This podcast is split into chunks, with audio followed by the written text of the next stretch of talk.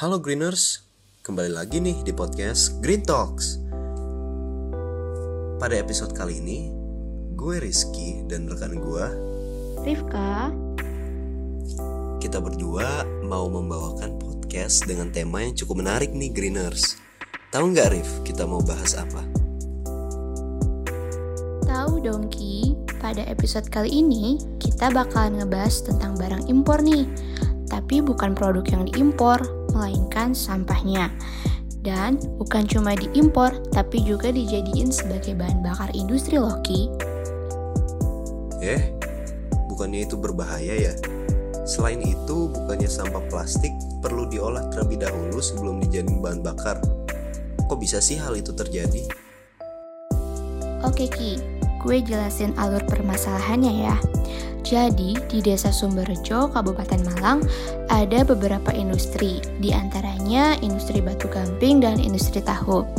Kedua industri ini memakai limbah dari pabrik kertas impor setempat sebagai bahan bakar pembakaran tungku untuk proses produksi mereka. Nah, ternyata limbah kertas yang mereka gunakan itu mengandung sekitar 35% sampah plastik, Ki. Wah, dampaknya bisa berbahaya banget tuh Rif. Dampaknya kayak gimana tuh, Ki? Soalnya kan ya, pembakaran plastik tanpa melalui proses pirolisis akan membuat senyawa kimia yang ada di plastik tersebut terdispersi di atmosfer. Proses pembakaran plastik akan melepaskan gas beracun seperti dioksin, furan, merkuri, bifenyl poliklorin atau BCP ke atmosfer.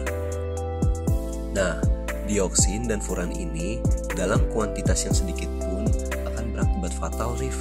Jika dioksin ini terhirup, akan menyebabkan batuk, sesak nafas, dan pusing.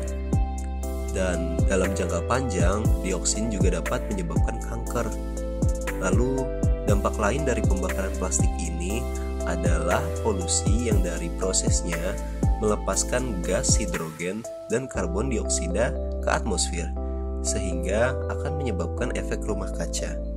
Jadi, intinya akibat dari pembakaran dengan bahan bakar plastik ini di udara di lingkungan tersebut kualitasnya bakal menurun karena polusi udara. Nah, bener banget tuh Ki.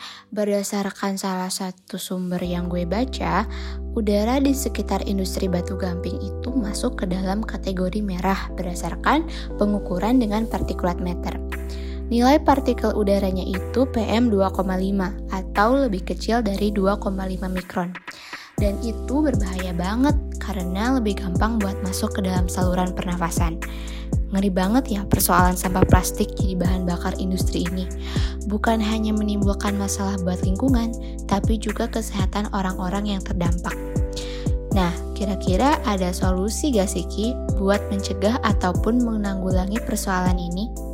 Kalau menurutku nih ya, solusi yang terbaik itu memberlakukan aturan pelanggaran untuk mengimpor sampah berbahan plastik dari negara lain.